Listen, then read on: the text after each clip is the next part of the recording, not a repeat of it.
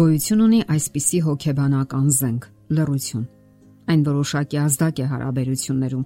եւ պարզապես նշանակում է ես անտեսում եմ քեզ։ Դու ինձ համար գոյություն չունես։ Եվ այդ զենքը լռությունը իսկապես ազդում է։ Հոգեբանական այս մեթոդը կամ զենքը օգտագործվում է ցանկացած հարաբերություններում, նույնիսկ երեխա ծնող հարաբերություններում, երբ կողմերից մեկը որոշում է պատժել դիմացինին Այն կարող է դրսևորվել նաև երիտասարդական հարաբերություններում, երբ կողմերից մեկը որոշում է ցույց տալ իր վիրավորվածությունը կամ պարզապես այսպես կոչված ընդմիջում է վերցնում առանց դիմացինին զգուշացնելու, ինչ դիմացինը անորոշության մեջ հազար ու մի ենթադրություններ է անում։ Իսկ ինչու է ազդում այդ լռությունը։ Լռությունը նշանակում է անորոշություն կամ խորհրդավորություն։ Մարդն անհանգստություն է զգում, տագնապների մեջ է, գուշակություններ է անում, Մտածում է թե ինչ սխալ է արել ինքը, որն է մեղքի իր բաժինը։ Նկատենք, որ հոգեբաններն ունեն այսպիսի արտահայտություն՝ խորթացման գոտի։ Սա այն գոտին է,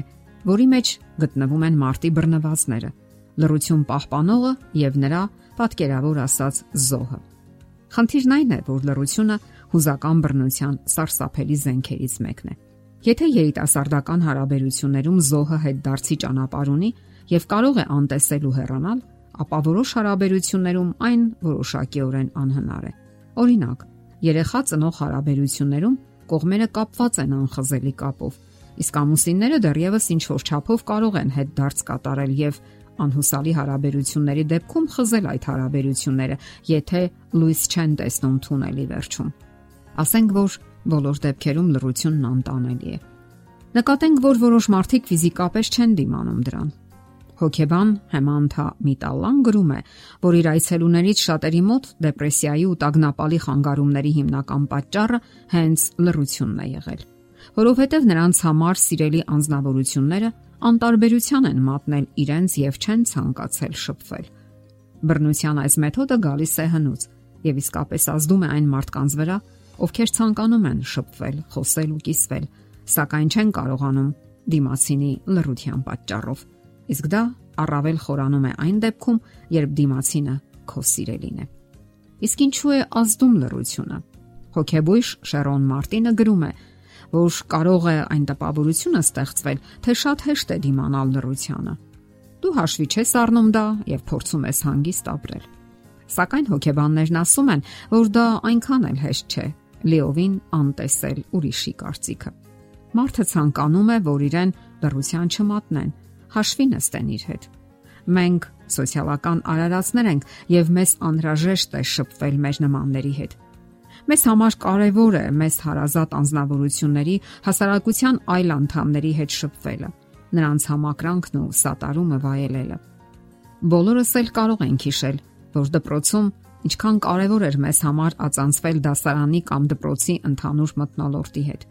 եւ որքան ծանր էին տանում դա անտեսվածները վատ սովորողները կամ նույնիսկ ֆիզիկական թերություն ունեցողները։ Որովհետև բոլորիս հոգում է նստած այն վախը, որ մեզ կարող են մերժել ու անտեսել, հաշվի չնստել մեզ հետ։ Մենք ցանկանում ենք, որ մեզ սատարեն մեր հարազատները, գործընկերները, հարևանները եւ նույնիսկ անծանոթ մարդիկ։ Այստեղ նկատենք, որ որոշ մարդիկ ընկնում են մյուս ծայրահեղության մեջ եւ փորձում են հասնել կամ նվաճել բոլորի համակրանքը Եվ բնական է, որ դա նրանց չի հաջողվում, քանի որ անհնար է հաճո լինել բոլորին, եւ որ ավելի կարեւոր է, դրա կարիքը բոլորովին էլ չկա։ Այնքան էլ շատ չեն այն մարդիկ, որոնց քաջալերանքն ու խրախուսանքը իսկապես կարևոր է մեզ համար, եւ դրանք այն մարդիկ են, որոնց հետ մենք մերց հարաբերություններ ենք պահպանում։ Այսօր շատերը պարզապես խենթանում են սոցիալական ցանցերում Նրանք ցանկանում են մեծ քանակությամբ լայքեր հավաքել եւ հուզվում են, երբ դա չի ստացվում։ Նրանք դա լռություն եւ անտարբերություն են համարում։ Սակայն իրականում դա բոլորովին էլ կարևոր չէ։ Շատ ավելի կարևոր է ձեր հարազատի սատարումն ու ընդունումը, քան 500 անծանոթինը։ Մարդիկ այնքան են խճճվել ուրիշների կարծիքների կարևորության մեջ, որ կորցրել են սեփական եսը։ Նրանք ապրում են կարծես ուրիշների համար, կորցնելով սեփական դեմքը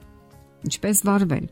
Ձեզ համար parzեք թե ովքեր են իսկապես կարևոր ձեզ համար։ Նրանք սովորաբար այնքան էլ շատ չեն, մոտավորապես 5-ից 10 մարդ։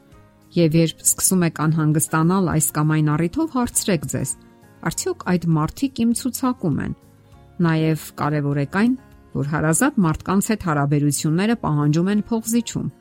Դուք կատարյալ չեք եւ ոչ էլ թակավոր, որ բոլորը զբաղված լինեն ձեր կամքն ու հրամանները կատարելով։ Այնպես արեք, որ ձեզ համար սիրելի անznավորությունները գնահատեն ձեր արարքները, որ դուք կարողանաք ուրախացնել նրանց եւ ավելին, թեթևացնել նրանց կյանքը։ Եղեք բարյացակամ, սակայն մի ջանացեք հաճո լինել բոլորին։ Այդպես է գրված անգամ ավետարանում, որ Քրիստոսն ինքը հաճո չեղավ բոլորին։ Առողջ հարաբերությունները ենթադրում են, որ մենք չենք հրաժարվում մեր սկզբունքներից, անգամ հանուն մեր մտերիմների։ Երբ մենք անհանգստանում ենք ուրիշների զգացմունքների համար, անտեսելով սեփականը, նվազեցնում ենք մեր կարևորությունը։ Դուք կարող եք հաշվի առնել ուրիշների կարծիքները, սակայն պարտավոր չեք ձեր կյանքը նվիրաբերել նրանց եւ հաճո լինել։ Մենք հասուն մարդիկ ենք, եւ դա ազատություն է տալիս մեզ։ Միշտ էլ կլինեն տարաձայնություններ եւ փոխադարձ հանդիմանություններ, սակայն բոլոր դեպքերում դուք գնահատեք ձեր սեփական զգացմունքներն ու սկզբունքները եւ մի տանջեք ձեզ այլոց կարծիքների պատճառով։ Բավարարեք ձեր ներքին պահանջմունքները։ Այդպես դուք ներքին բավարարում եւ սատարում կստանաք, որը շատ ավելի կարեւոր է ցանկացած լռությունից։ Լռում են։ Շարունակեք ապրել ձեր կյանքով։ Ձեր կյանքով, այլ ոչ ուրիշների։ Եթերում ճանապարհ երկուսով հաղորդաշարներ։ Ձեզ հետ է Գեղեցիկ Մարտիրոսյանը։